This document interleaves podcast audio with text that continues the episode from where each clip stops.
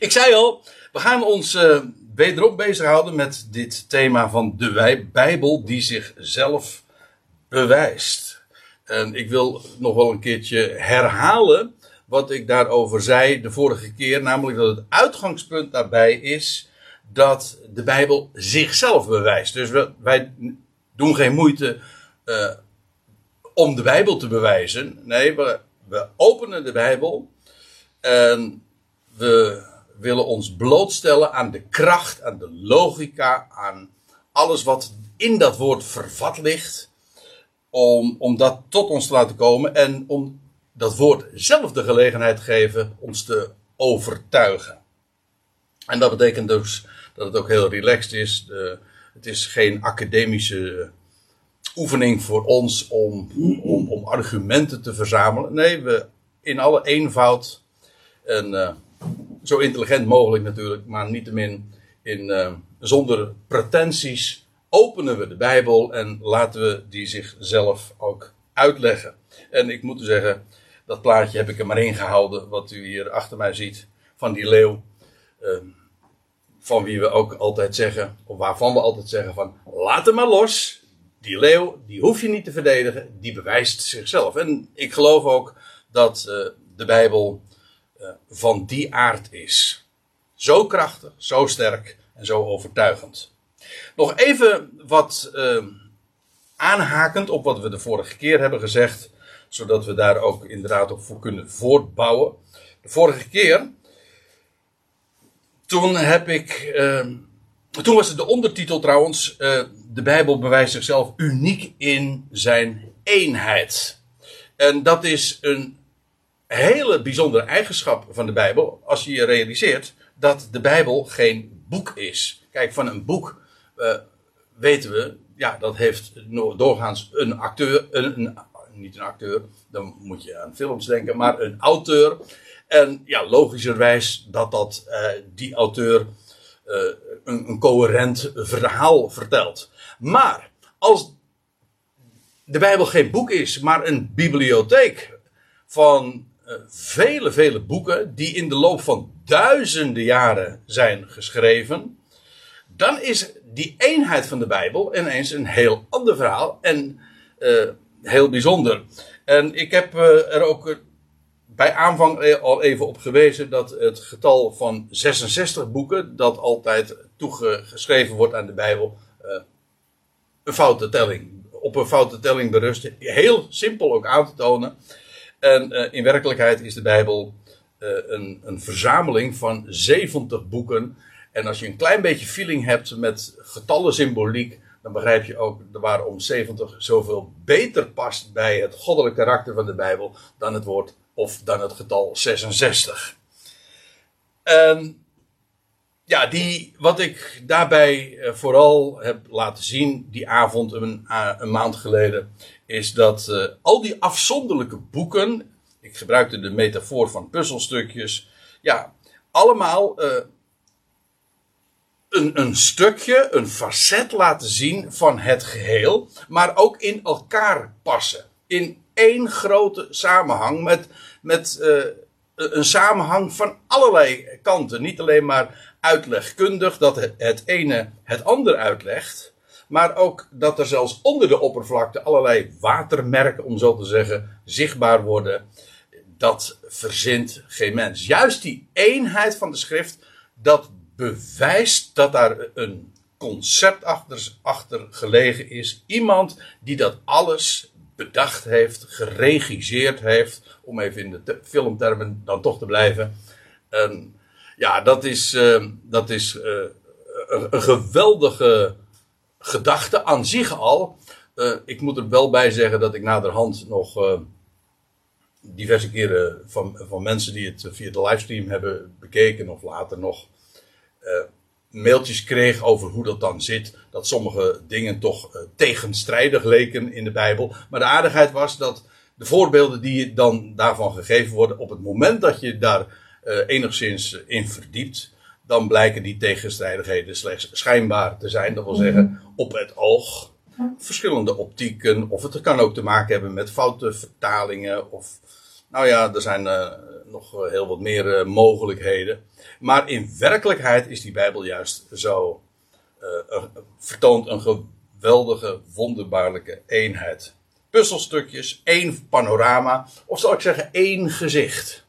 En die vind ik ook wel aardig. Want al die puzzelstukjes die laten het gezicht zien ja, van de auteur zelf. Namelijk God. Wie hij is en zijn aangezicht. Dat is feitelijk Christus Jezus. Want God is de onzienlijke, maar hij vertoont zich in zijn icoon, zijn beeld, Christus Jezus. Een van de uh, schriftplaatsen die daarbij centraal stonden was een tekst uit uh, Petrus, waar ik straks naartoe ga. Uh, dat is uh, waar, waar hij opmerkt in zijn laatste brief dat hij zegt: geen profetie van de schrift heeft een eigen uitleg. En het idee daarvan is dat profetieën van de schrift, of van de schriften, elkaar uitleggen. En dat is nou precies uh, ja, wat eigenlijk de rode draad, waar we het trouwens ook over gehad hebben, over de rode draad, en waar, het rode koord in de Bijbel. Maar uh, de rode draad in de Bijbel, dat alles samenhang vertoont en dat een profetie of een schriftgedeelte nooit op zichzelf uitgelegd kan worden. De, de betekenis kan je slechts verstaan in het grote geheel, in het licht van de andere schriften. Zodat je dus daarmee eigenlijk het, het uitlegkundig principe krijgt dat de Bijbel zichzelf uitlegt.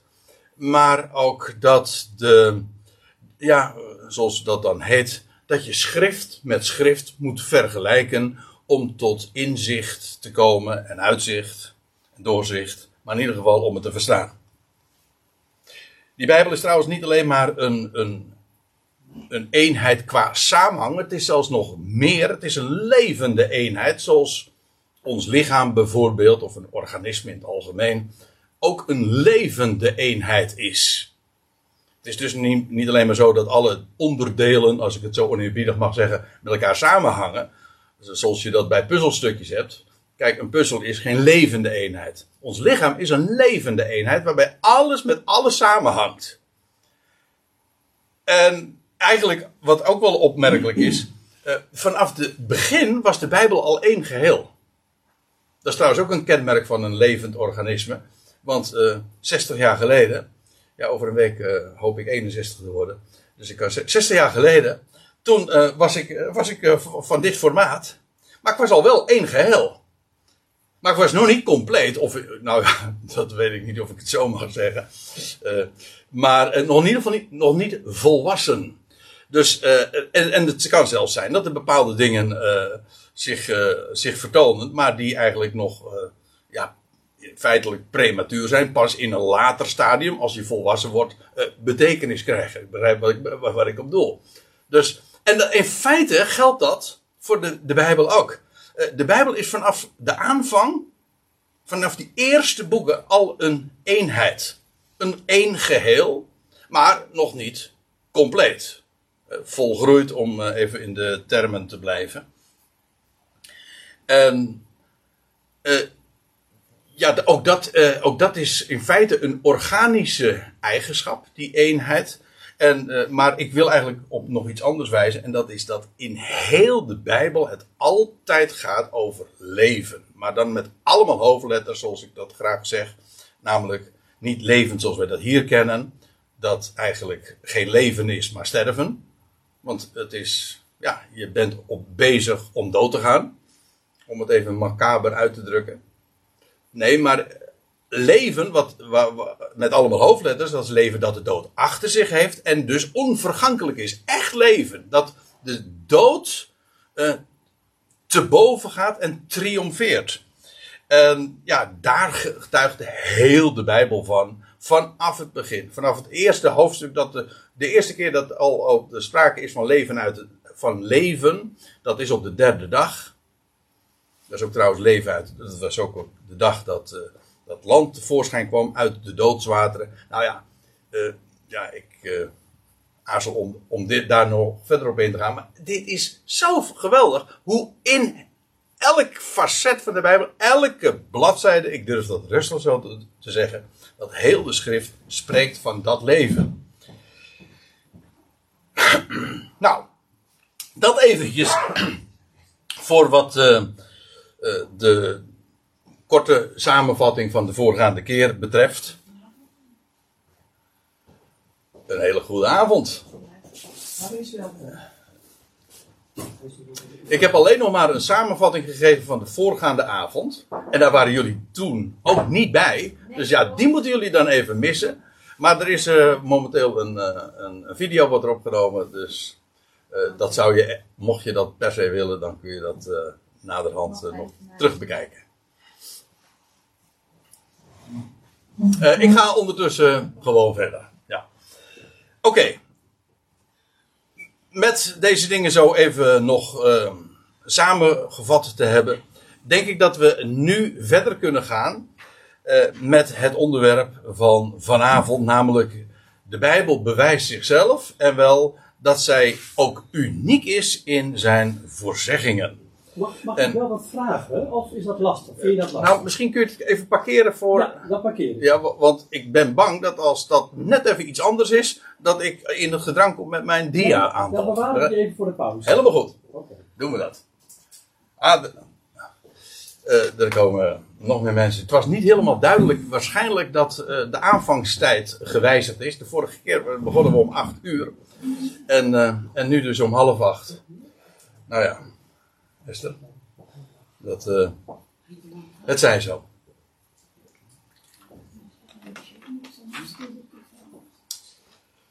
Goed, nou.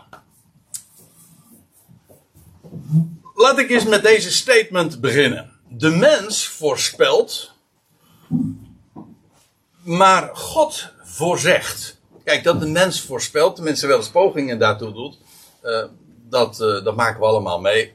En uh, heel af en toe, als je maar genoeg voorspelt, dan komt het, komt het altijd wel eens een keertje uit. Maar als er één ding toch wel duidelijk is, is dat de mens niet in staat is om ook maar met zekerheid iets te zeggen over de toekomst. En meestal uh, en zelfs als dat op professionele basis gebeurt, er, er wordt iets gezegd over de toekomst, prognoses bijvoorbeeld, of wat bijvoorbeeld het KNMI doet.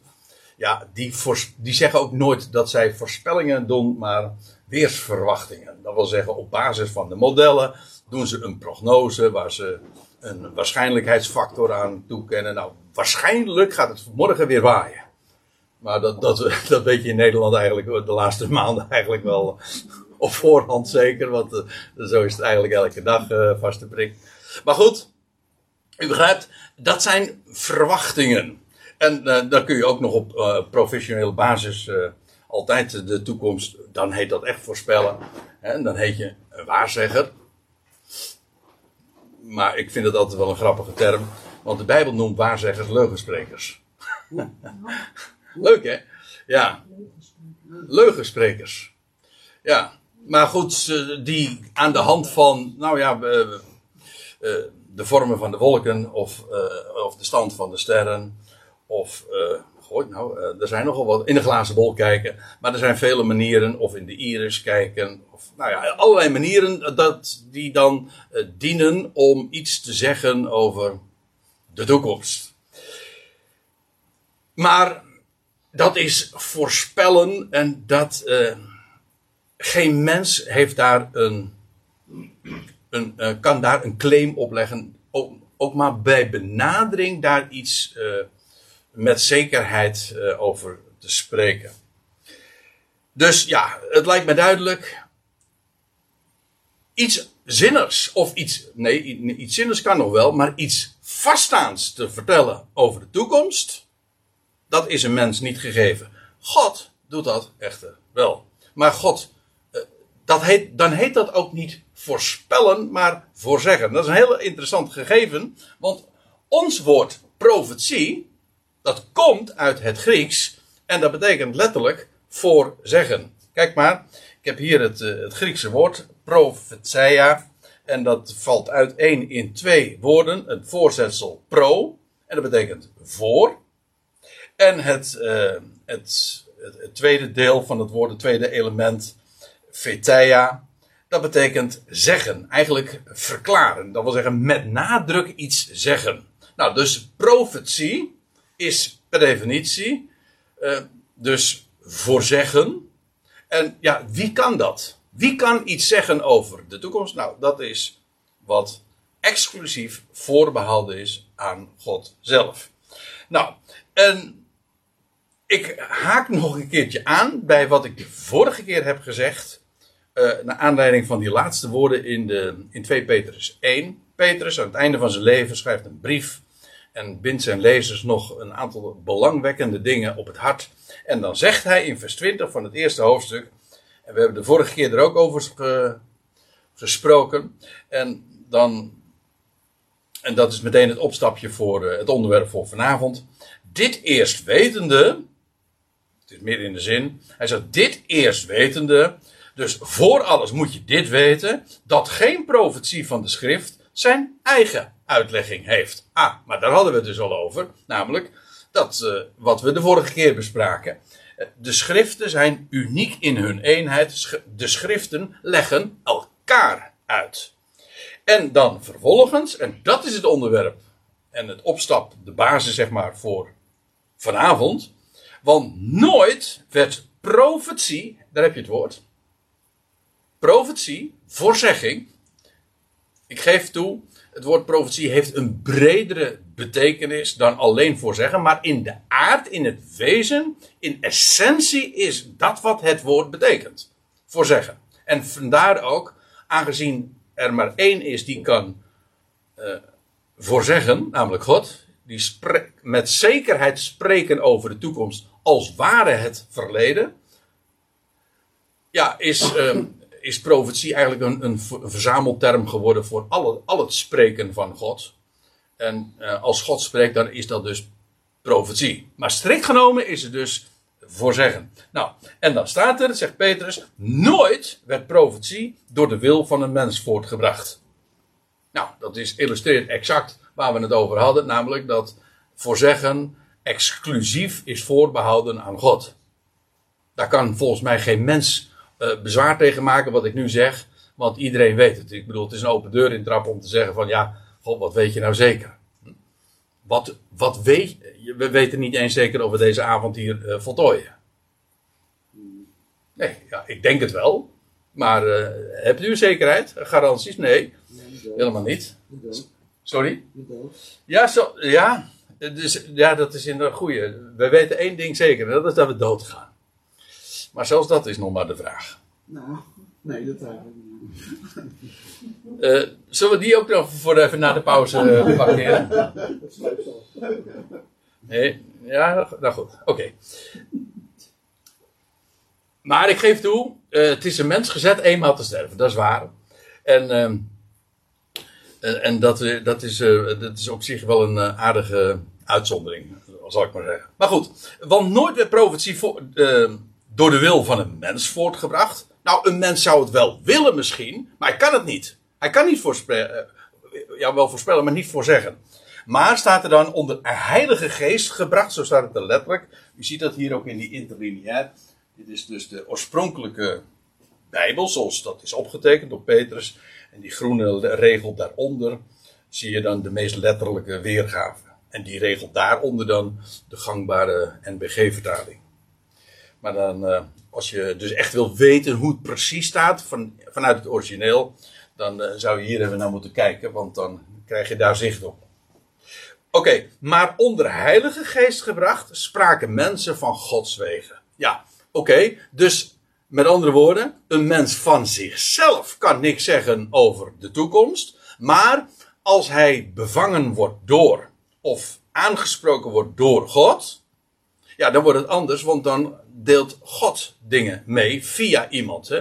Zoals dat dan heet, uh, dat God spreekt bij monden van, ik noem maar wat, Jezaja. En dan wordt het anders, want ja, dat is feitelijk wat we in de Bijbel ook vinden. Heel veel profetie, voorzeggingen. En dan, ja, dat kan slechts zijn omdat zij door Gods heilige geest zijn gebracht en zo van Gods wegen kunnen spreken. Nou, ik heb daar een heel aantal uh, voorbeelden van en een, een paar echt magnifieke. Sommige waarvan ik denk dat jullie die niet kennen, maar waarvan ik ook echt van mening ben, die moet je weten. Oké, Jesaja 46. Dat is een hele mooie om, eh, om zo vanuit eh, de Hebreeuwse Bijbel te beginnen. Daar staat in vers 10 dit. Daar, daar, dit is trouwens typisch zo'n voorbeeld waarbij God spreekt bij monden van Jesaja. Want als dan dit vers begint met ik die van den beginnen de afloop vertel. Ja, wie, wie is die ik? Dat is God zelf. Dat is niet Jesaja. Nee, God zelf die spreekt bij monden van Jesaja. En dan zegt hij dus ik die van den beginnen.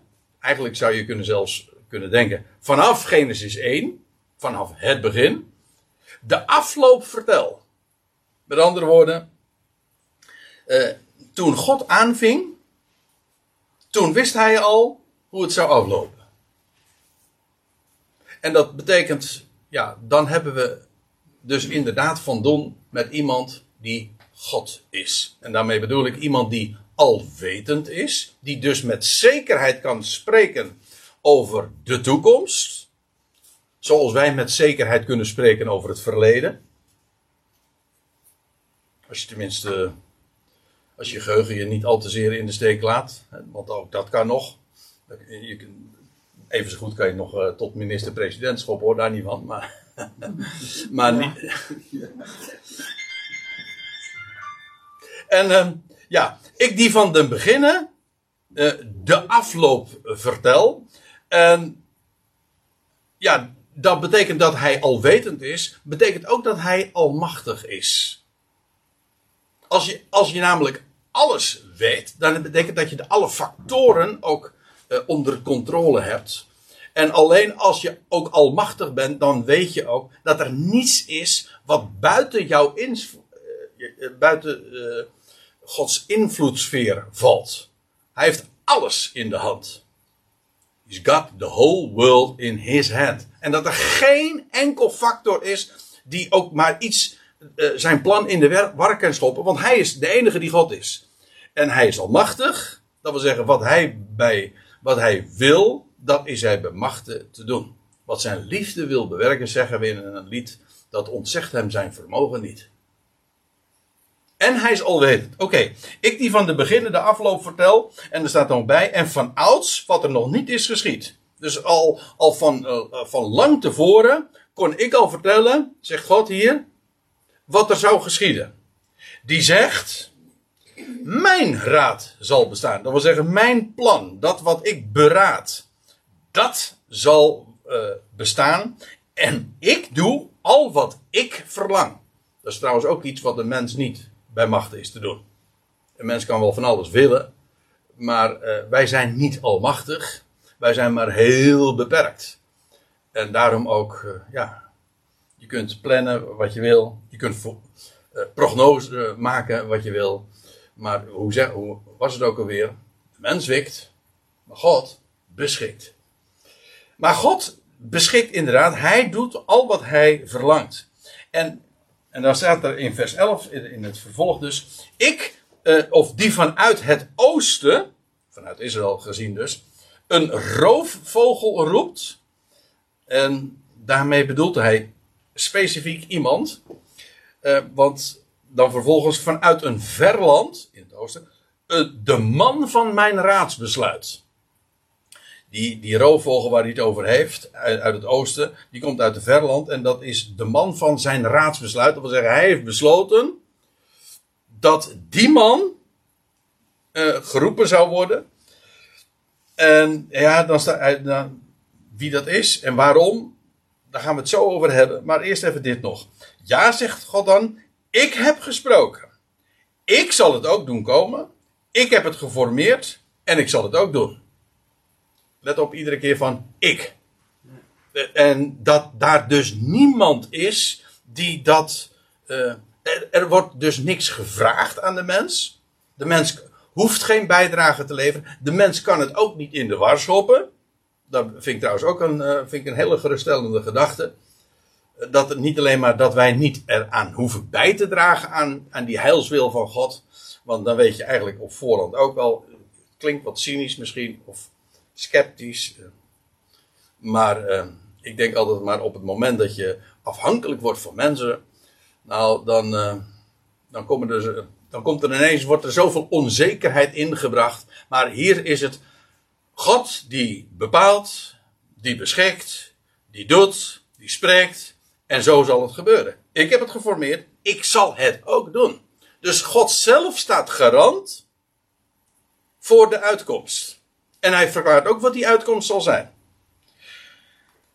Nou, en ja, die, uh, die, die man van zijn raadsbesluit uit een ver land, uh, dat is degene die Jeruzalem zou doen herbouwen.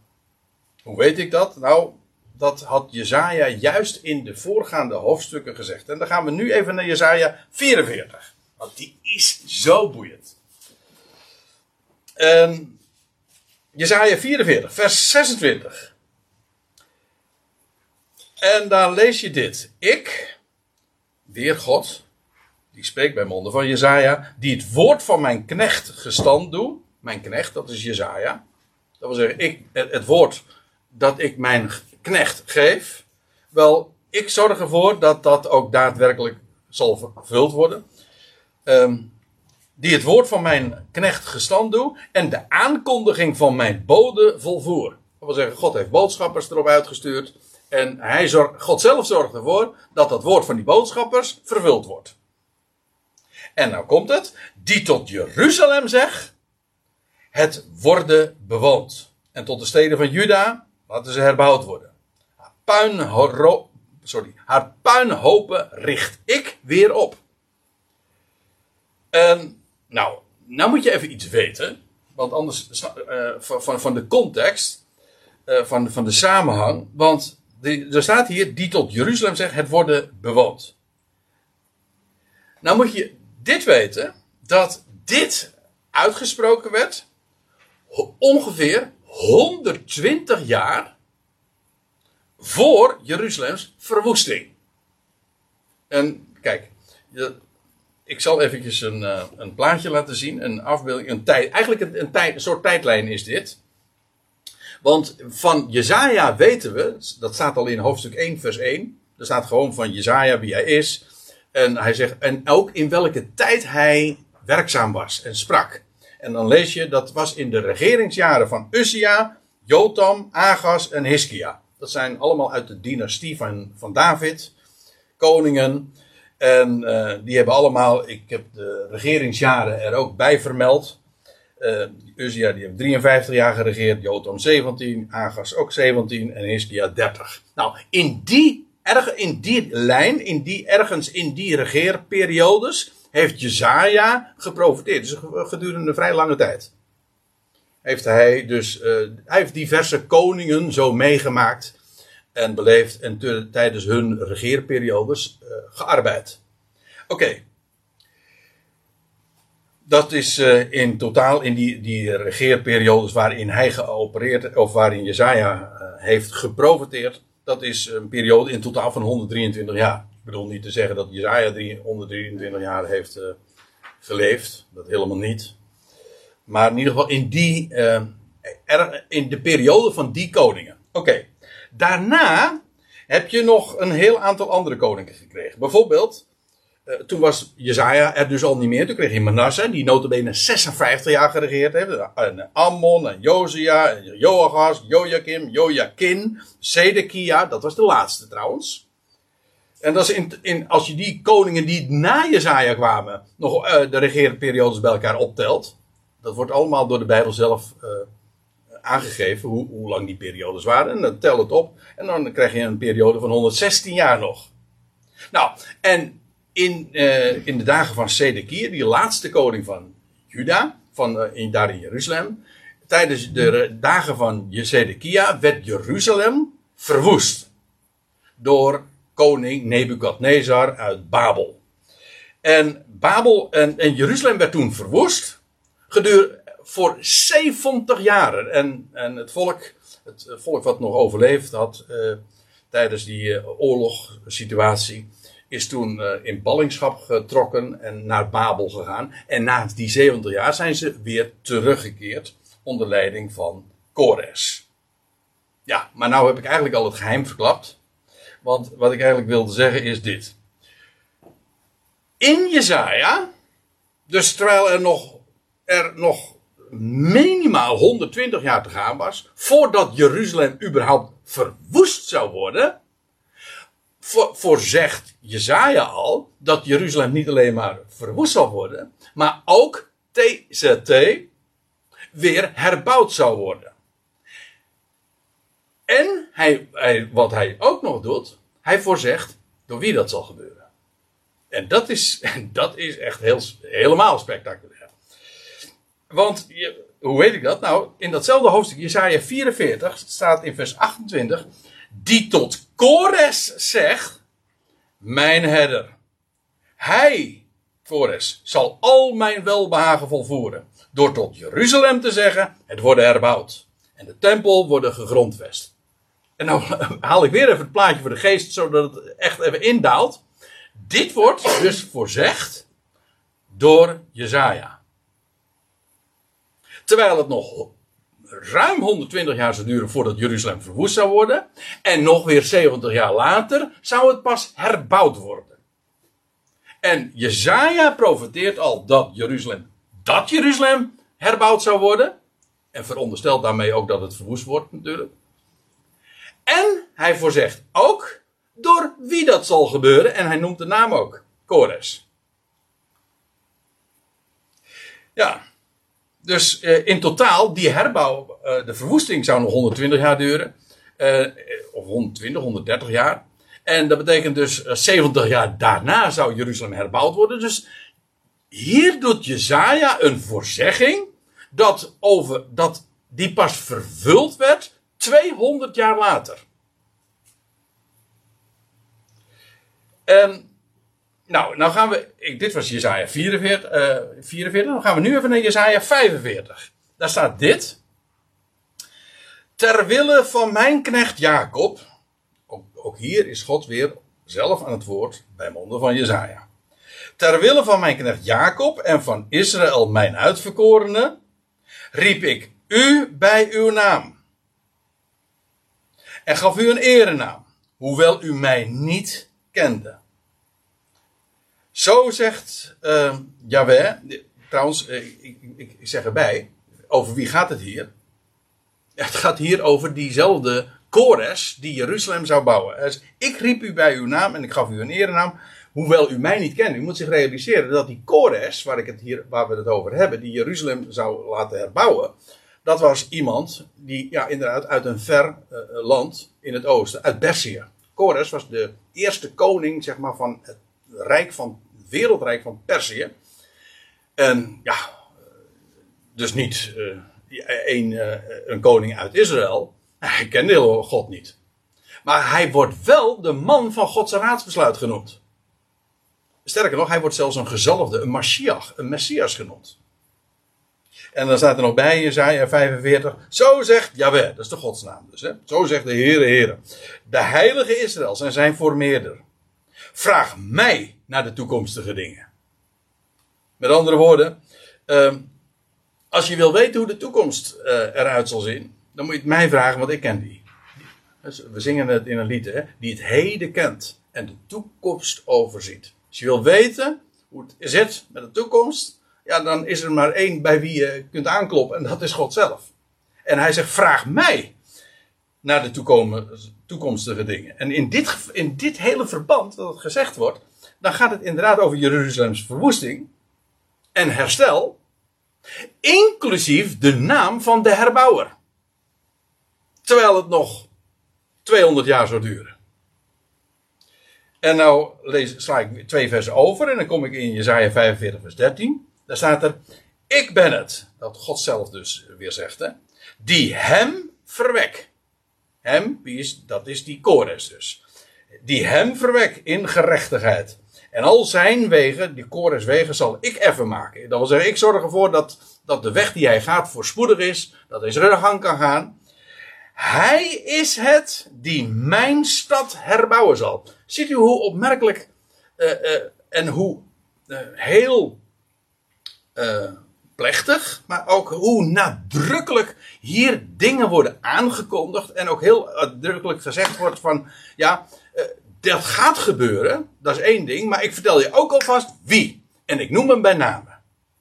Hij is het. Hij zal het zijn die mijn stad herbouwen zal.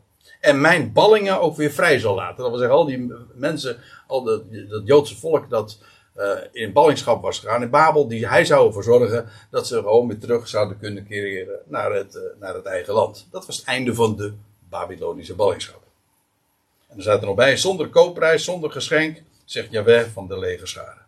Dat wil zeggen, zonder dat je er een cent voor hoeft te betalen. Het is gratis voor niks. Dat is trouwens ook, uh, daar gaan we het de volgende keer over hebben, hoe uniek de Bijbelse boodschap is.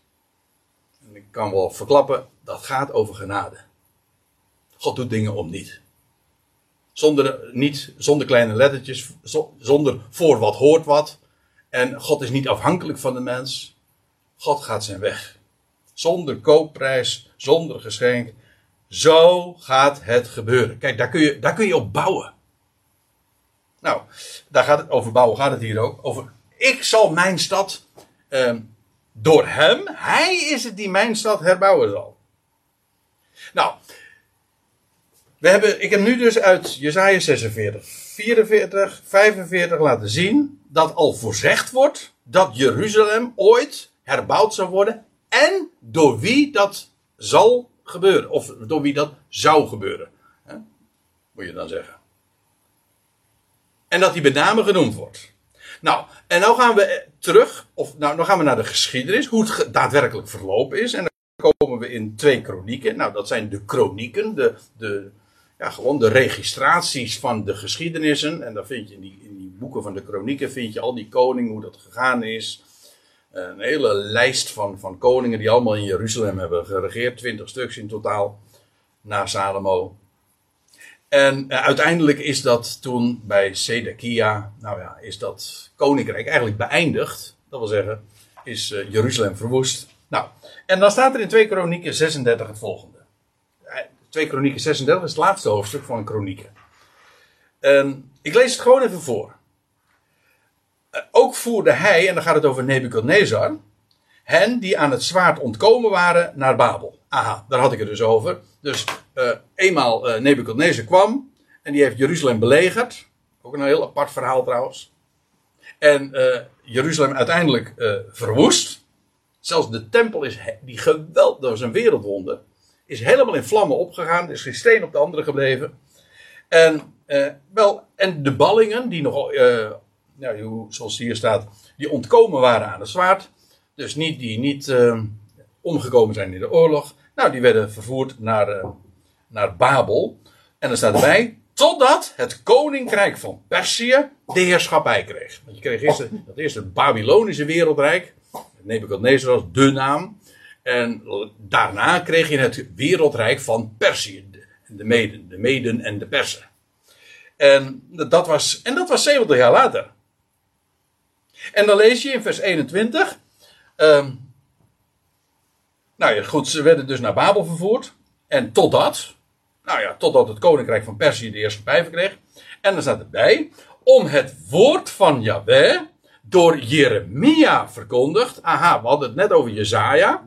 Maar nu hebben we het over Jeremia. En wat had Jeremia gezegd? Nou, uh, om het woord van Yahweh door Jeremia verkondigd in vervulling te doen gaan. Totdat het land zijn sabbatsjaren vergoed gekregen heeft. Moet ik even, uh, even kort uh, iets, iets toelichten. Want het is misschien niet zo bekend. Het is zo dat Israël had de bepaling gekregen dat ze elke zeven, elke, de zevende dag is een rustdag, maar dat, dat het land kreeg ook het elke zevende jaar rust. Een sabbatjaar heet dat. Dan mocht het niet bebouwd worden, kreeg het land gewoon rust. En na zeven sabbatjaren kreeg je dan een jubeljaar. En dan, nou ja, dat was weer een ander fenomeen. Maar in ieder geval, elk zevende jaar was een sabbatsjaar. En wat heeft Israël daarmee gedaan? Antwoord, niks. Hebben ze nooit gedaan. En toen heeft God gezegd, op een gegeven ogenblik, en nou is het mooi, nou neem ik mijn rust. Dus al die sabbatjaren die jullie niet hebben gehouden, die neem ik gewoon zelf nu. En jullie gaan het land uit. Ik zeg het nu even kort door de bocht, maar daar komt het op neer. Jullie gaan het land uit.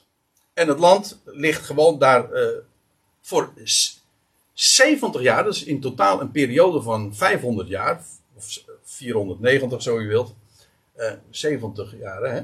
Dus als je 70 keer niet het eh, sabbatjaar hebt gevoerd, eh, gevierd, dat is dan in een periode van een kleine 500 jaar, toch?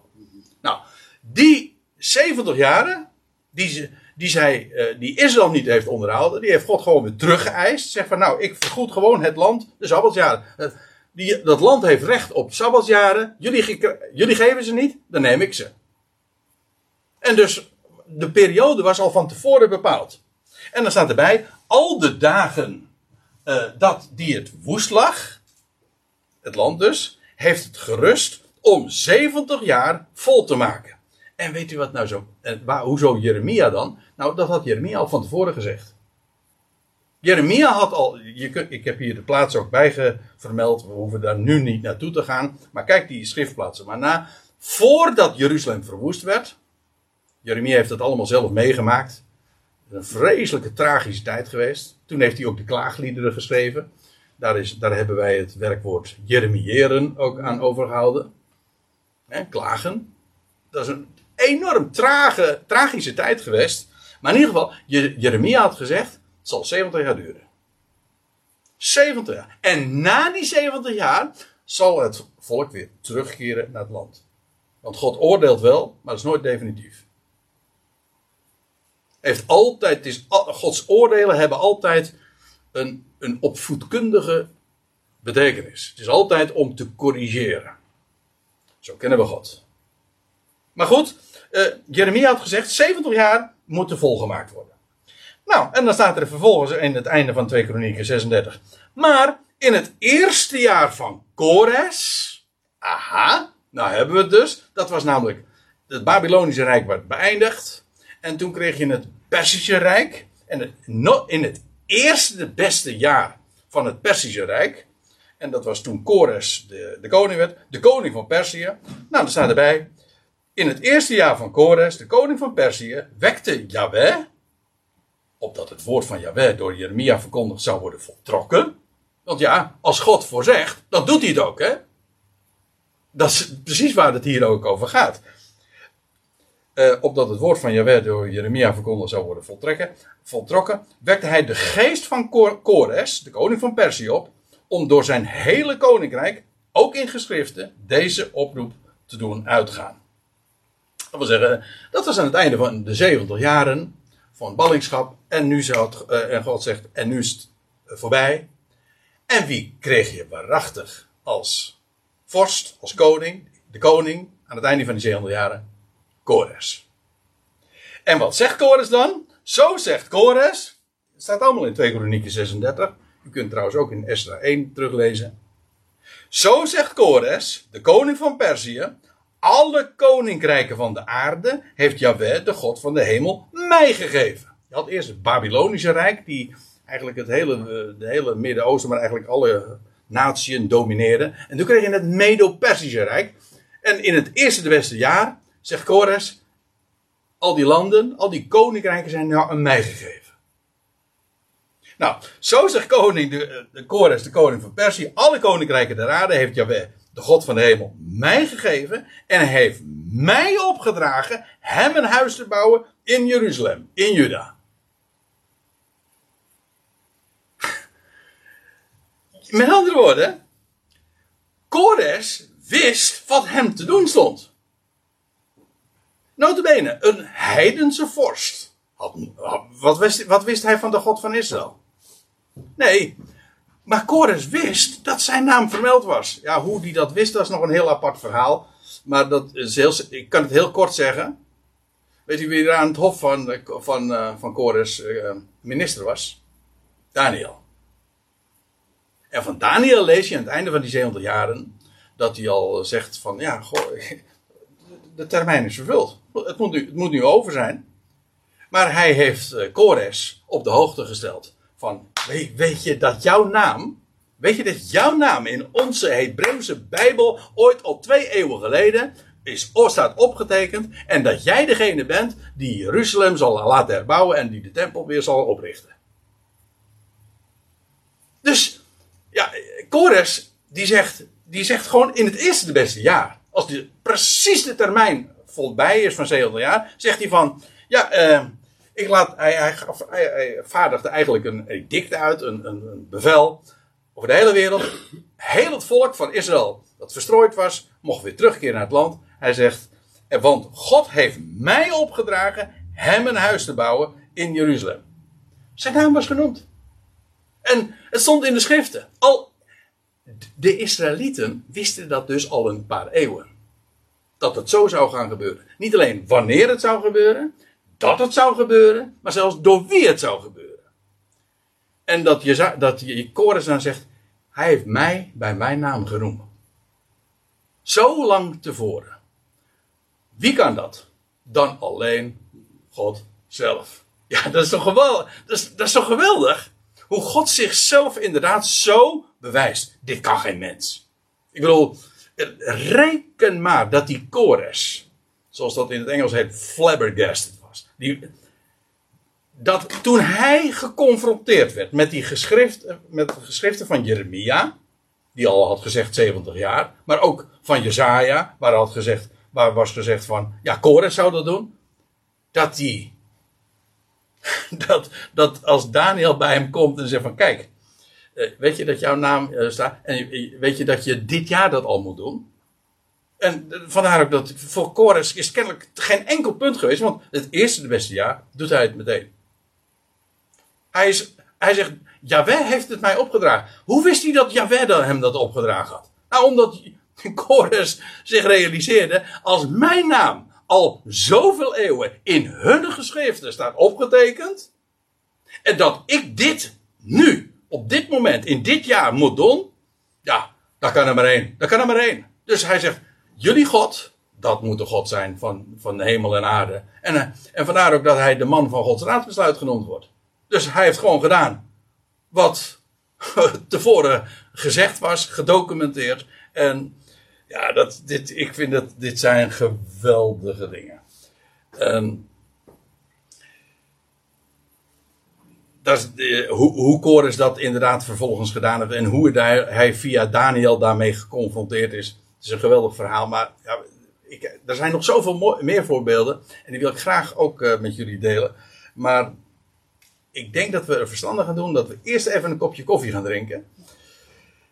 En dan eh, ga ik jullie straks eh, weer meenemen naar het boek Genesis. Want er zijn nog veel meer voorbeelden.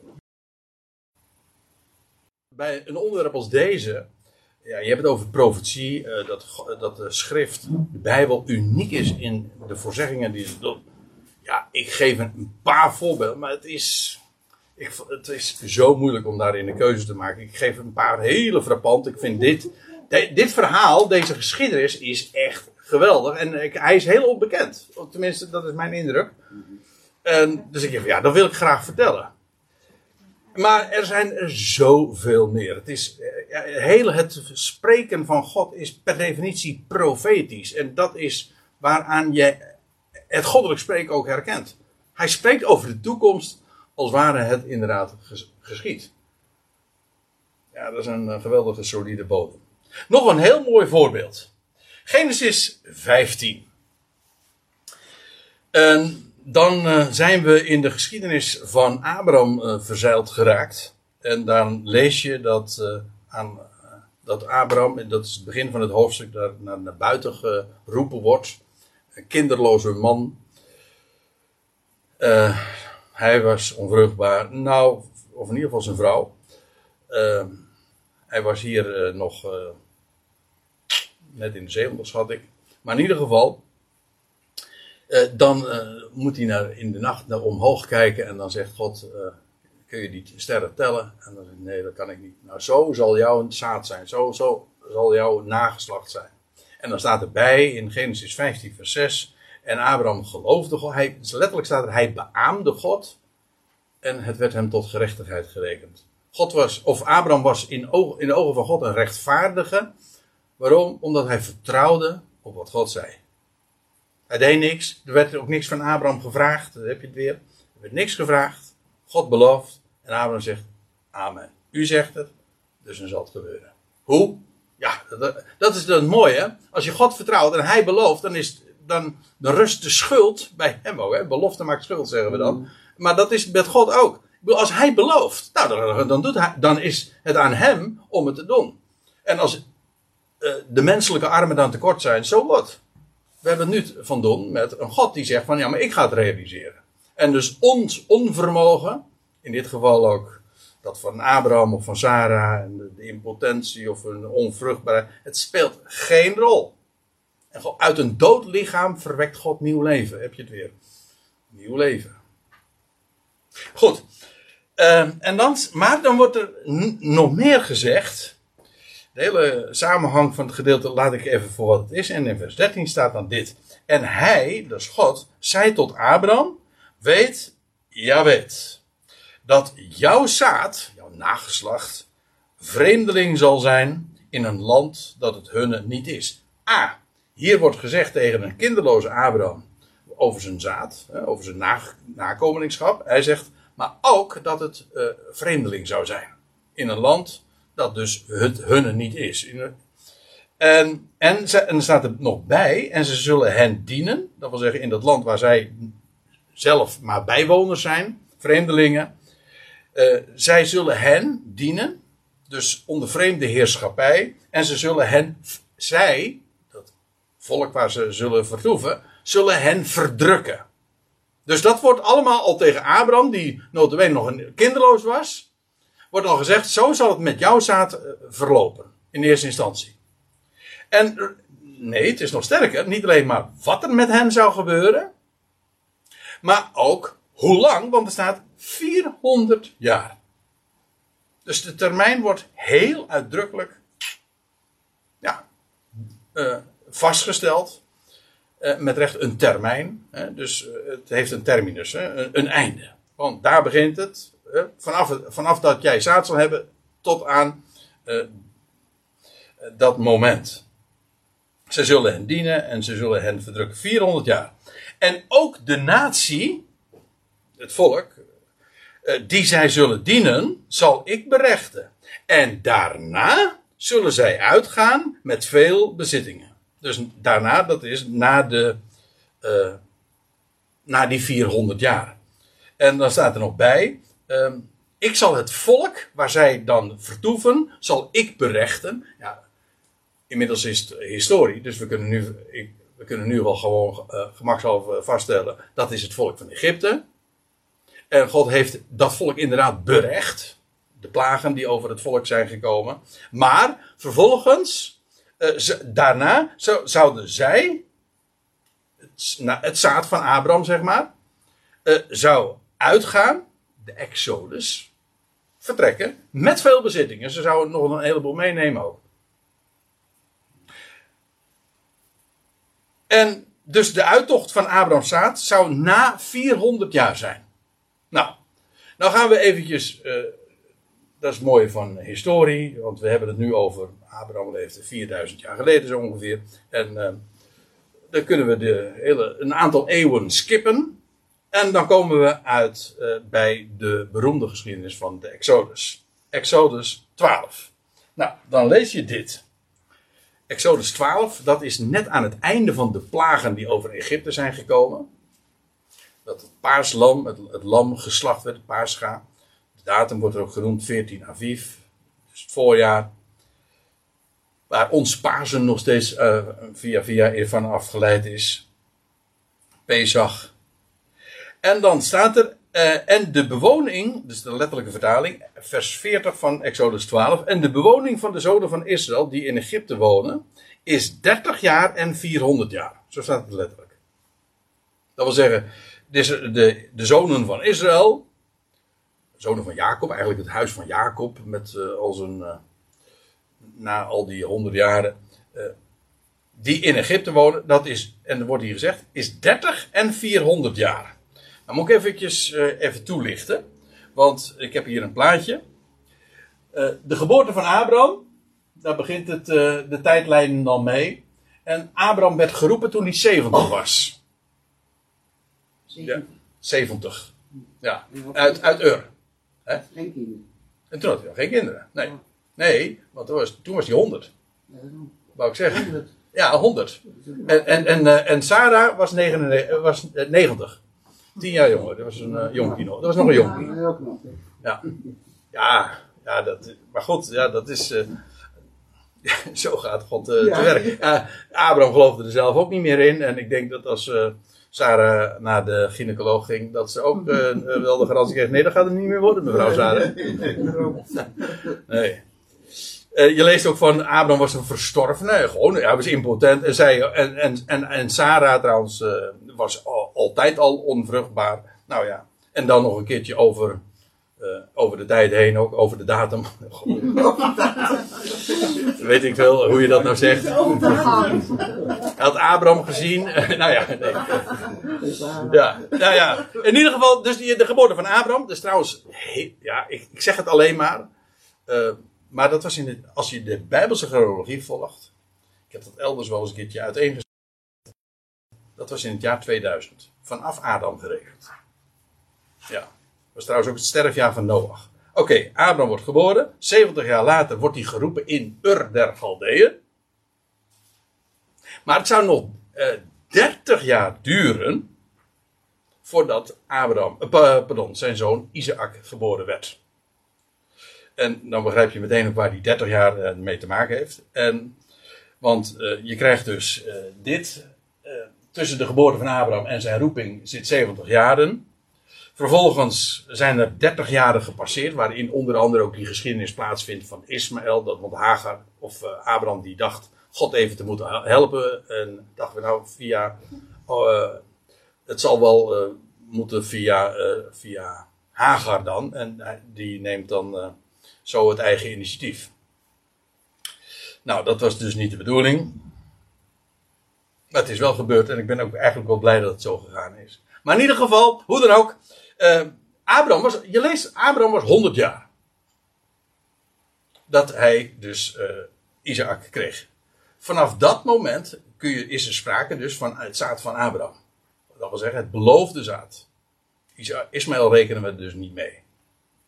Het, ehm, en dan vervolgens krijg je een periode van 400 jaar. Vanaf gerekend vanaf het moment dat Isaac geboren is, tot aan de Exodus, is 400 jaar. Dus als er hier gezegd wordt, het was 30 en 400 jaar, dan, is dat, dan gaat het over die 30 jaren waarin eh, de belofte aan Abraham gegeven was, tot aan de vervulling van de belofte. Dat wil zeggen, de geboorte van Isaac. En daarna nog 400 jaren. Dus eh, in totaal dus inderdaad 430 jaar. Gerekend vanaf Abraham, de belofte aan Abraham tot aan de Exodus. Oké. Nou, en nou komen we vers 41. En aan het einde van 30 en 400 jaar, dat is de Hebreeuwse manier van zeggen. Maar we weten nu dus waar het over gaat. En aan het einde van 30 en 400 jaar, juist in diezelfde dag, gingen al de legermachten van Jahweh uit het land van Egypte. Nou, wat hier dus gezegd wordt, is A. De beloofde uittocht vindt plaats, want dat was al tegen Abraham gezegd. Ooit zal jouw volk dus vreemdeling zijn, maar ze zal ook weer uittrekken. En dat wordt bij deze gelegenheid vervuld. Maar, niet alleen maar dat het zou gebeuren, en hoe, en met veel bezittingen, en dat eh, Egypte ondertussen eh, ge- plagen zou ondervinden. Het was allemaal voorzegd, maar vooral de termijn is zo heel apart. En waarom? Omdat het namelijk niet alleen op het jaar nauwkeurig is, maar op de dag nauwkeurig.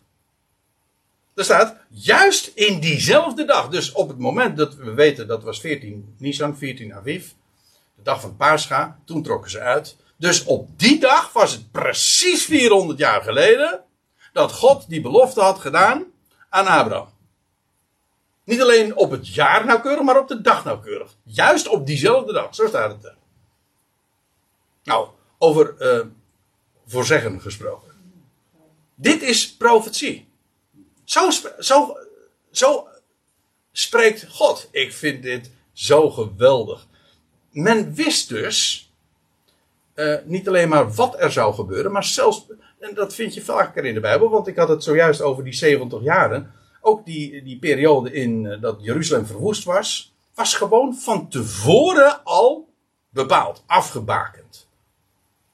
Dan begint het en dan eindigt het. En vandaar ook dat, dat je leest in, eh, in Daniel 9 van dat, dat eh, als die termijn vervuld is, dat, dat, dat Daniel op zijn knieën gaat en zegt: God, u, hebt beloofd 70 jaren. Hij, hij las het in de boeken van Je- Jeremia. Dus ja. En dan gaat hij op, ja, dan gaat hij op zijn knieën. En dan, zijn, zijn gebed is nog niet, heeft hij nog niet uitgesproken. Of eh, er komt een boodschapper bij hem en zegt van, het decreet is zojuist uitgegaan om Jeruzalem te herbouwen. Dus hij, voordat hij uitgesproken was, was, eh, was het gebed al vervuld. Maar begrijpt u, ik vind dit zo geweldig. Dit is uniek. Dat zo lang van tevoren al deze dingen voorzegd zijn. En met zulke, zo'n accuratesse. Ja, dat is, eh, dat is slechts aan één voorbehouden om dit te doen. En zo zou je nog heel lang door kunnen gaan.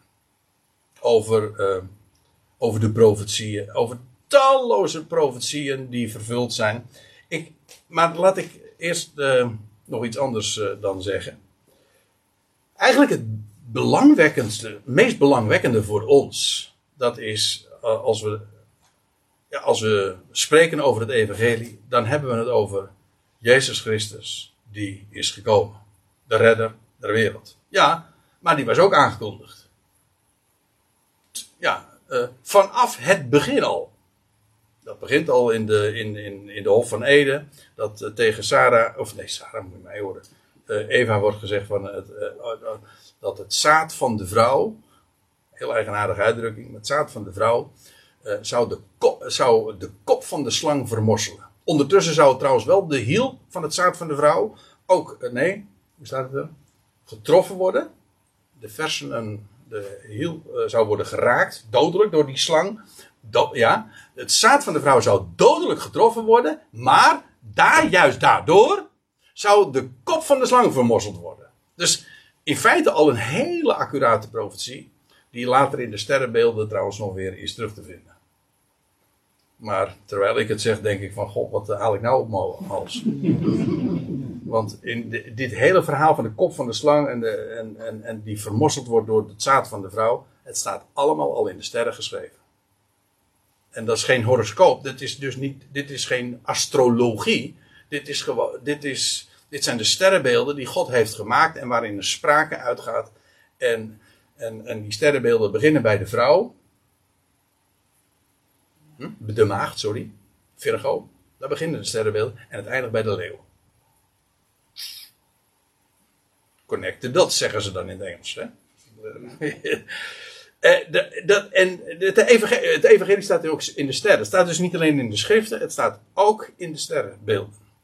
Die God zelf uiteraard gemaakt heeft. Ik bedoel, dus de schepper, eh, eh, degene die onze, de schriften heeft nagelaten en gegeven, dat is dezelfde als die hemel en aarde gemaakt heeft. En dacht u nou werkelijk dat, dat er in die schepping dan geen sprake eh, gelegen zou zijn en dat we daar niet van zouden leren? Het is dezelfde maker. Ik kreeg vro- vroeger altijd te horen van onze predikant in de kerk. God heeft twee boeken. Dat is de natuur en de schriftuur. En beide, het zijn twee boeken, één auteur. Maar logischerwijs is die sprake van de natuur, van de schepping, gewoon identiek aan de sprake van de schriftuur. Want het is namelijk dezelfde oorsprong, dezelfde auteur. Ja. Maar goed. Het evangelie, en wat ik nu wil vertellen, is het evangelie. Ja, het bete- evangelie betekent blijde tijding, goed bericht. En hoezo goed bericht? Wel, het goede bericht is dat wat God tevoren beloofd heeft en voorzegd heeft, dat is nu vervuld. En ga maar na, eh, met name in het boek Handelingen zie je dat, dat eh, eh, Petrus dat doet als hij dan op het tempelplein is, of Paulus die is in, in Klein-Azië, of whatever. Waar, waar ze zich ook bevinden, waar ze ook naartoe gaan, altijd wat ze doen is de schriften openen en zeggen van nou, dat wat aangekondigd is, eh, dat is nu, dat is. En de Messias, wie dat de Messias zou komen, maar ook hoe hij zou komen, via het zaad van Abraham, via Jacob. En later wordt het nog via uit het huis van Juda zou die komen. De scepter zou van Juda niet wijken. Dat wordt tegen ja. En dan vervolgens wordt het nog duidelijker. eh, hij zou komen uit het zaad van David. Uit het huis van David. Dus het, de lijn wordt steeds preciezer. Men wist dus, als de Messias komt, komt hij via die lijn. En niet alleen maar wisten ze eh, via welke stamboom, zeg maar, hij ter wereld zou komen. Maar ook eh, in welke, ja, zelfs nog in welke plaats hij geboren zou worden. Micha lees je dat, dat hij in Bethlehem geboren, in de velden van Efrata zou hij worden geboren. Eh, en alles wat, eh, er zijn zo, echt, wat ik nu zeg is echt waar. Honderden profetieën over de Messias zijn uitgesproken in de Hebreeuwse Bijbel, ons Oude Testament. En daar vind je het. Heel specifieke voorzeggingen. Wie de Messias zou zijn, hoe hij zou zijn, waar hij zou zijn, wanneer. Ja, sterker nog, wanneer hij zou komen. Is het wel eens opgevallen dat als je dat leest in het begin van eh, ja, in de Evangelie, meteen al eigenlijk bij de aanvang, dat daar mensen waren die de verlossing van Israël verwachten. In die dagen. Daar was een, daar was een eh, hoe heet die? Eh, Simeon, tempel. Anna, de profetes, die 84 jaar oud was, maar die, eh, ze wist, zij verwachten in die dagen eh, het, koning, ja, het koninkrijk en de koning. Dus vandaar ook dat als de Heer Jezus optreedt als die eenmaal 30 jaar oud is, dan zegt hij, eh, de tijd is vervuld. De tijd is vervuld. De termijn is verstreken. En ik had het eerder over die 70, over Daniel weet u wel, over die 70 jaren en zo. Maar weet u, oh, in het jaar, in het jaar dat Kores Jeruzalem laat herbouwen, krijgt Daniel een profetie. Dat vind je in datzelfde Daniel 9 waar ik zojuist aan refereerde. En wat lees je daar? Dan geeft God een nieuwe profetie. Niet over 70 jaren, maar over 70 jaarweken. 70 maal 7 jaren. Ik had het zojuist over sabbatsjaren en zo, weet u nog? Nou, 70 maal 7 jaren. Na 490, of eigenlijk 500 jaren, zou de Messias komen. Staat erbij. Staat letterlijk 7 en 62 weken en daarna en tot Messias de vorst. Men wist dus toen aan het begin van onze jaartelling: dit is de tijd dat hij gaat komen. Men wist niet wanneer hij geboren zou worden, maar men wist wel wanneer hij zou optreden. Dus die hele tijd is zwanger geweest, om zo te zeggen, van uh, messiaanse verwachting. De, wanneer het precies, maar in deze generatie moet het gaan gebeuren. Men wist het. Nou, dat is ook gegaan, zo gegaan. En, nou, en dan ga ik, neem ik u even mee naar Handelingen 13. Paulus is dan in Antiochië, in, in Klein-Azië. En dan zegt hij dit. En wij, hij uh, treedt op met, met zijn medewerker Barnabas. En wij evangeliseren jullie, zo staat het letterlijk. Wij, brengen, wij verkondigen jullie het goede bericht. Of wij verkondigen jullie het evangelie, maar er staat letterlijk één werkwoord. Wij evangeliseren jullie dat de belofte die aan de vaderen geschiedde. Dus God heeft aan de vaderen, aan de eerdere generaties, zeg maar, aan de eerdere generaties, uh, aan de aartsvaders al, vanaf toen en daarna nog uh, ook vele uh, beloften meer, heeft hij de belofte gegeven. Namelijk van hem die zou komen. En hoezo? Dat is al geweldig als je een belofte op zak hebt. Maar het evangelie is de boodschap. Nu, wat God beloofd heeft, heeft hij inmiddels gerealiseerd. Wij evangeliseren jullie dat de belofte die aan de vaderen geschiedde, dat God deze volledig heeft vervuld. Namelijk aan hun kinderen. Dus de vaderen en nu aan hun nageslacht. Namelijk door Jezus te doen opstaan. Zoals ook in de tweede psalm staat geschreven. En kijk het maar na in Handelingen 13. Ze doen niet anders dan gewoon, ze pakken, nou ja, dat waren toen de tijd boekrollen. En die werden geopend daar in de synagoge. Dit, dit vond ook plaats in de synagoge. En wat, ze, wat Paulus heeft gedaan is, ze hebben de boekrollen geopend. Ze zeggen, kijk, daar staat het. Daar staat het. Dus er was in de profetie eigenlijk al een hele profielschets gegeven van dat, aan die kenmerken zou de Messias voldoen. En dan zeggen ze van nou, nu, God heeft het nu nauwkeurig vervuld. Zoals je van God mag verwachten. Want zijn woord is vast en betrouwbaar. En het- is een blijde tijding dat wat ooit beloofd is, nu is vervuld. Dat zeggen we ook, hè. Eh, dat wordt volgens in zo'n kerstlied gezongen. Van ehm, Gods belofte is heerlijk vervuld. Ja, dat is de evangelie. En eh, in feite is dat ook de, de, de openbaring van Gods gerechtigheid. Ik bedoel, God doet recht aan zijn woord, aan zijn belofte. Dat is de openbaring van zijn, gere- zijn gerechtigheid. Ja, ik zei al, belofte maakt schuld. Als God is beloofd, ja, dan is het aan hem om dat te vervullen. En dat heeft hij ook gedaan. En hij heeft gezegd niet alleen wie en waar en hoe, maar ook wanneer. En als Paulus dan in, de, in, eh, in, nou in dit geval in de synagoge in Antiochië is, dan zeg je van nou, ik heb jullie wat te melden. Ik heb, jullie hele, ik heb een hele goede tijding voor jullie. Want dat wat tevoren is, is beloofd, en hij kon het gewoon allemaal gedocumenteerd aantonen, is inmiddels vervuld.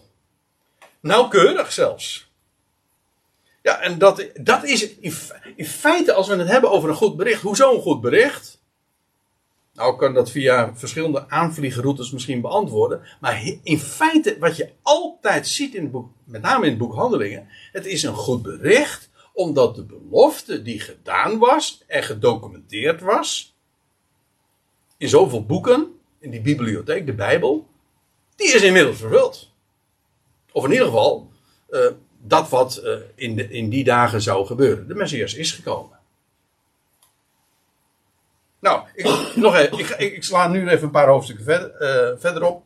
Handelingen 17, en dan lees je, dan is Paulus in eh, Thessalonica, in het huidige Saloniki, in Griekenland.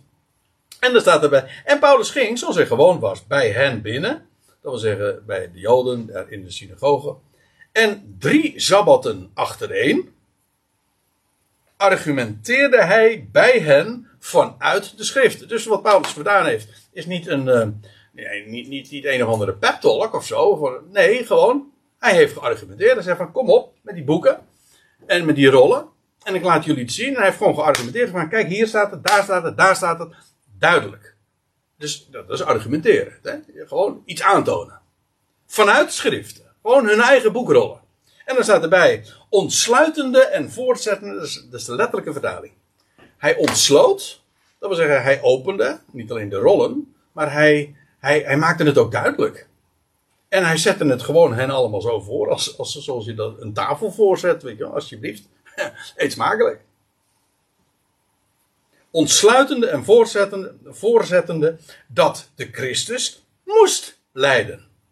En opstaan vanuit de doden. Hoezo moest? Nou, het was voorzegd.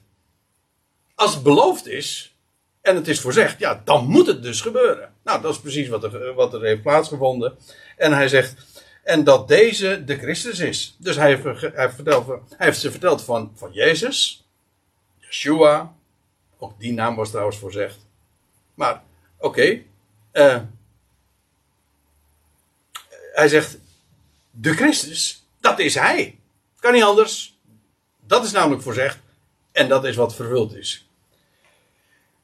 De Jezus die ik jullie verkondig. En hij, het kan niet anders dat hij het moet zijn. En hij heeft dat gewoon daar in de synagoge dus daadwerkelijk aangetoond. En ja, ik, dus kijk, dat onderwerp waar we het vanavond over hebben met elkaar, er is dieper over doordenken.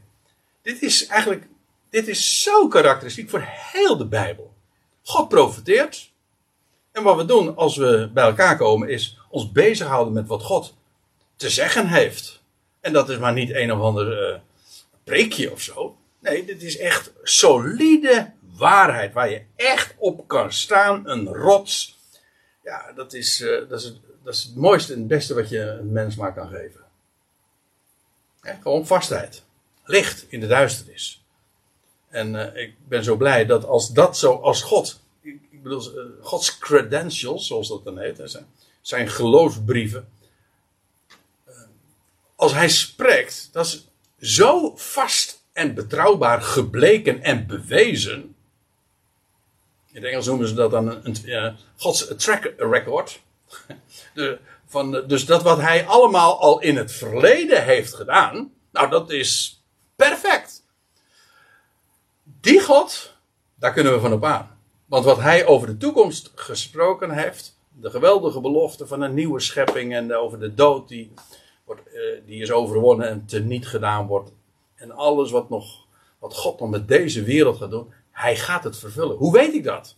Nou, hij heeft het beloofd. En als hij het belooft, dan doet hij het ook. Dat heeft hij bewezen namelijk. En dat is de bodem, de rotsgrond waar we op staan. Ja, en nou heb ik eh, gedacht bij mezelf.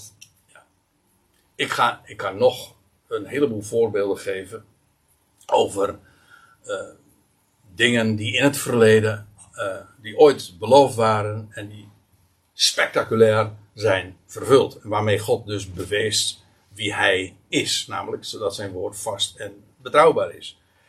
Maar ik dacht, misschien is het mooi om het actueel af te sluiten. Namelijk dat wat God gesproken heeft over de, ja, over de toekomst. Ik had het zojuist erover, de geweldige tijd die hij voornemens is te gaan vervullen. Ja, maar wij leven nu ook al in, daar ben ik vast van overtuigd, dat is, ik wil eigenlijk een tipje van de sluier zeg maar oplichten. Nu ook al in buitengewoon boeiende, profetische tijden. Want eh, dat, ja, ik noem het hier eh, een profetisch decor, dat is nu in aanbouw. Ik bedoel dit. Wat we weten is dat er opnieuw vandaag, in onze dagen, anno 2000, wat is het, 22, ja. Ja, ik ben nog een beetje bij de tijd hoor. Eh, maar, ehm, ondanks dat ik, eh, nou ja. Oké, maar de termijn is vervuld. Kijk, eh, vanaf Adam gerekend, als je dus de hele Bijbelse chronologie, dat kun je, een prachtige, daar, zijn, zijn, kun je een prachtige studie van maken. Ik heb dat in het verleden zelf ook gedaan. Ik vind dat zo echt adembenemend. Om die hele lijn te volgen. En dan kun je gewoon vaststellen. Het gaat me nou niet eens om, om dat op het jaar nauwkeurig eventjes te plotten. Dat maakt me eigenlijk niet uit. Maar ehm, dat het jaar 6000 nabij is. Als u mij vraagt, het volgende decennium. En dat wist, wist dat, even, even heel tussendoor.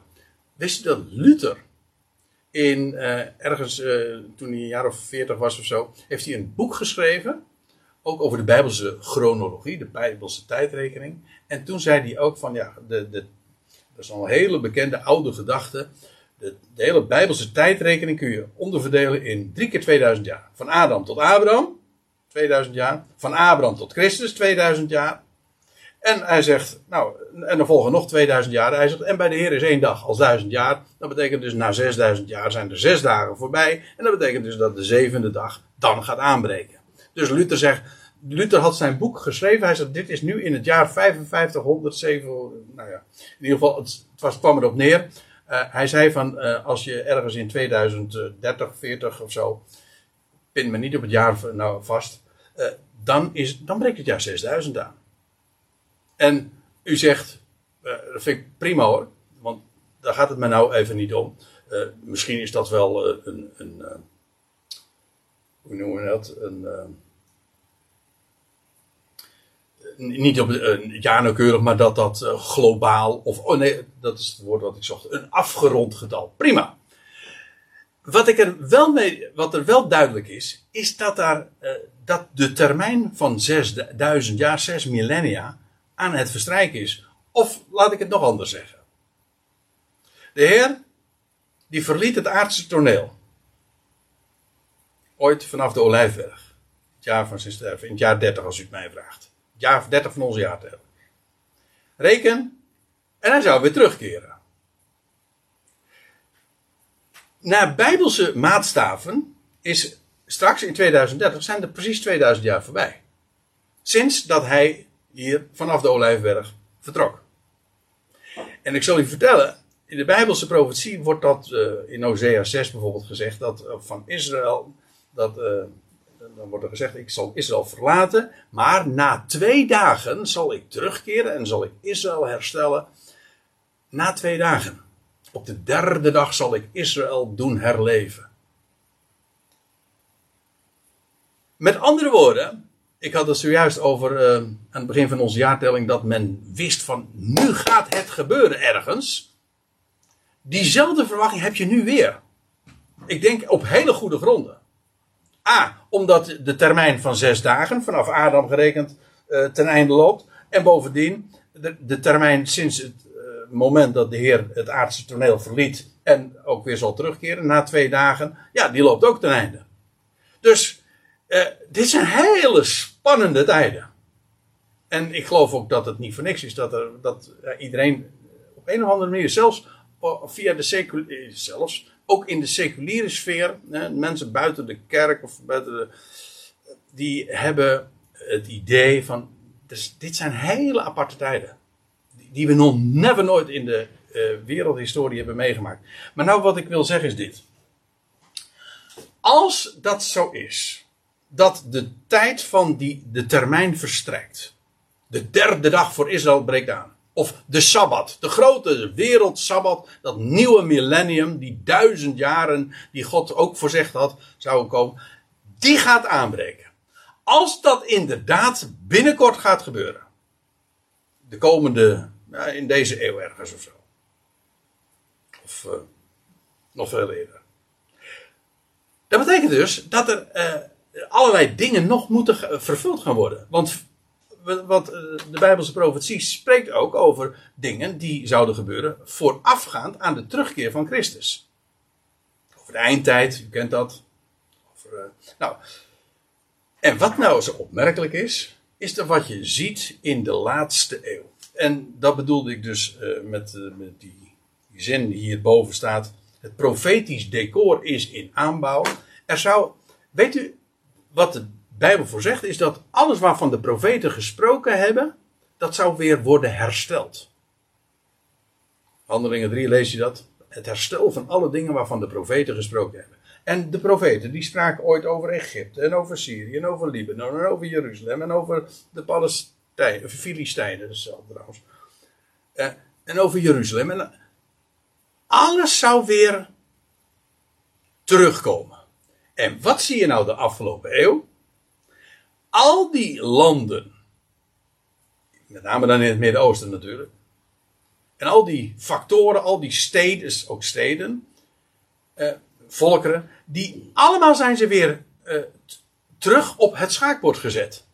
Nadat ze duizenden jaren verdwenen zijn. Weet u dat Egypte is, is duizend jaren lang geen zelfstandige natie geweest.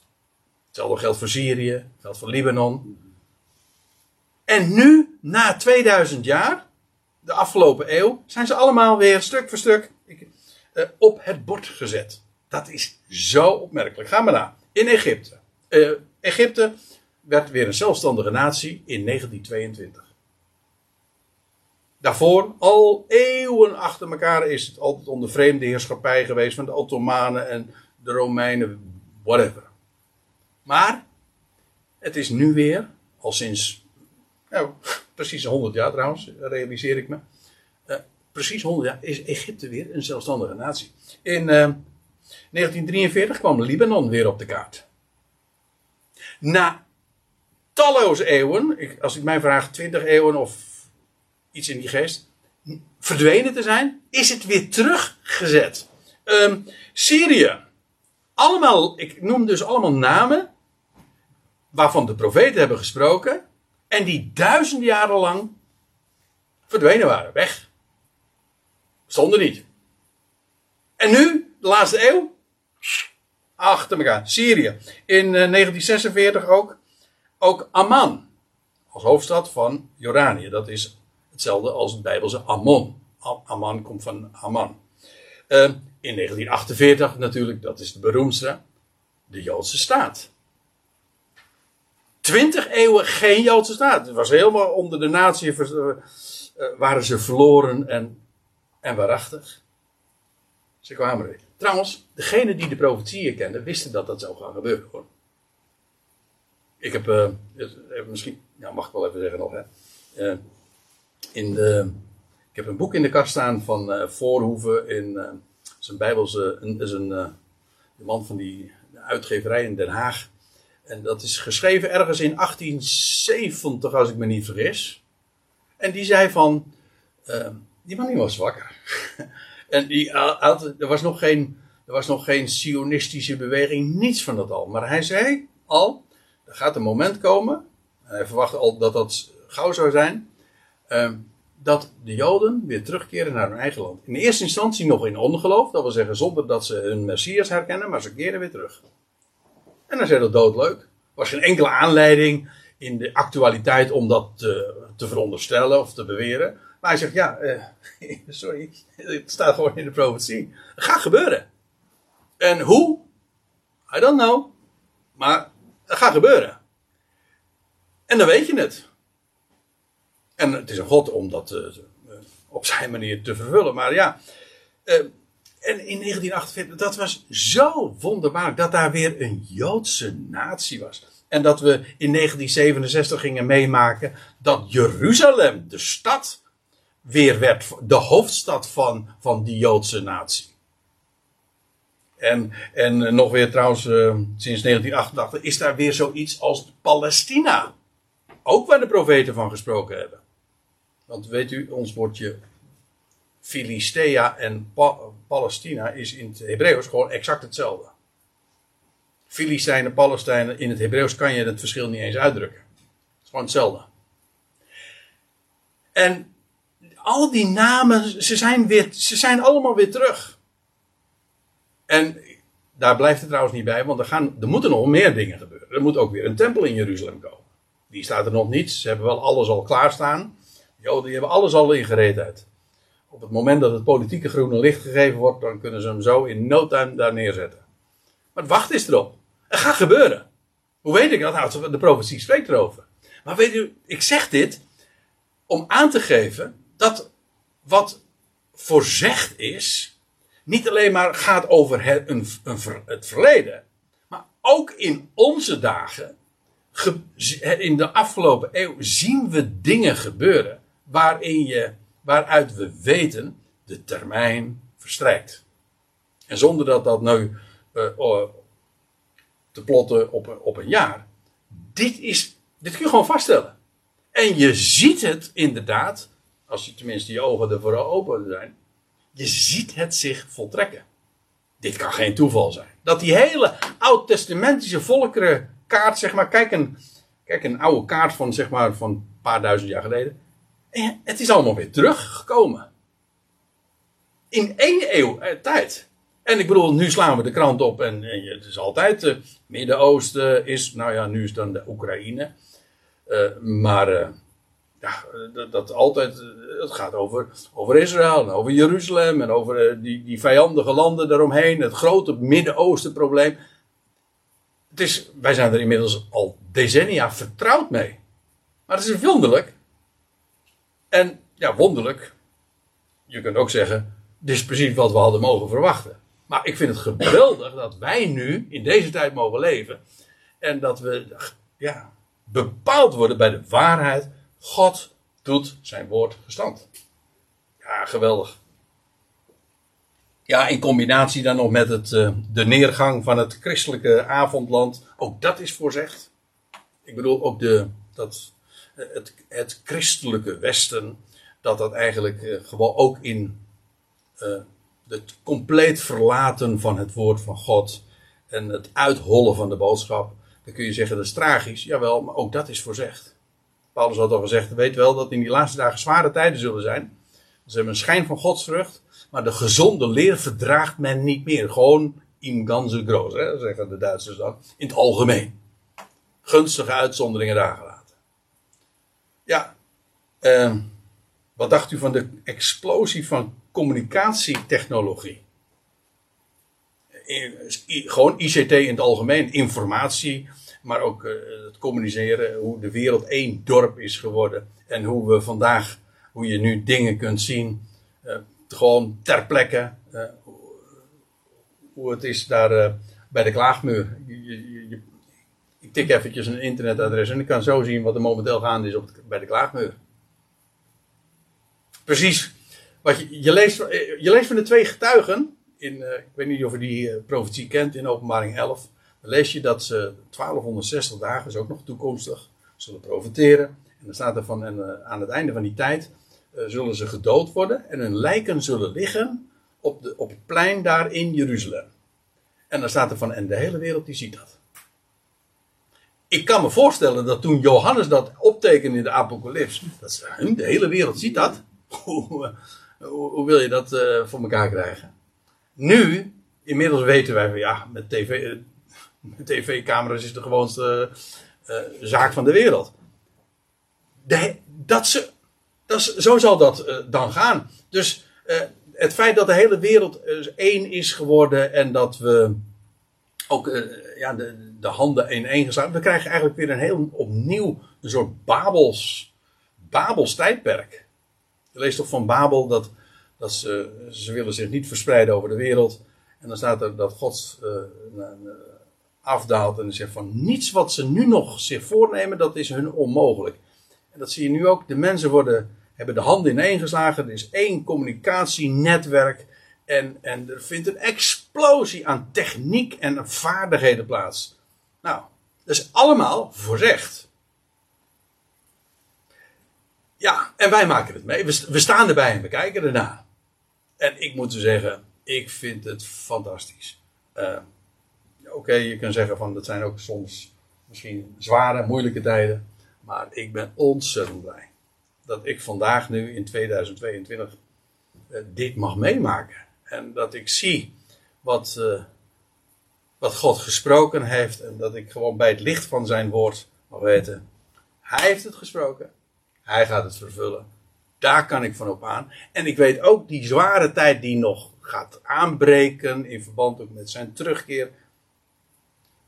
Hij heeft alle touwtjes in handen. Hij heeft alles volmaakt onder controle. Het gaat allemaal goed komen. Op zijn tijd, op zijn wijze, met mij, Israël, de volkeren, uiteindelijk met elk schepsel. Nou ja, wat willen we nog meer? Wat willen we nog meer? Dit is echt licht in de duisternis. En wat wij eh, de mensen te vertellen hebben, is maar niet gewoon wat verhaaltjes uit een oud boek. En dan zeggen mensen, ja, dat zijn allemaal verhaaltjes of eh, mythen en eh, een sprookjesboek. Zoals ik laatst Johan Derksen hoorde zeggen op de tv. Ja, dat is een oud sprookjesboek. Die man die weet gewoon niet waar hij het over heeft. Ik neem hem niet kwalijk hoor, zo bedoel ik het niet. Maar jongens, dit is zo geweldig. Zo geweldig. Laat die Bijbel gewoon zichzelf verdedigen. Zoals je een leeuw zichzelf laat verdedigen. En open het. Verdedig hem niet. Gebruik hem gewoon. Lees hem. En de kracht ervan zal zichzelf, zal dat woord zelf bewijzen. Ja, en eh, dus laat de leeuw maar los. En eh, ik moet zeggen, daarom eh, hebben we zoveel reden. Juist van, omdat we die God kennen, om met eh, een opgeven hoofd verder te gaan en uit te zien naar die geweldige toekomst die, die God voornemens is, die hij ook beloofd heeft. En dus, vanwege zijn ge- geweldige track re- record, zeg maar, dus gaat vervullen. Gegarandeerd. En eh, mag ik u bij deze van harte feliciteren dat u eh, daar ook eh, kennis van mag hebben. En dan ben je echt gelukkig te, te prijzen hoor. Zullen we het daarbij laten voor vanavond?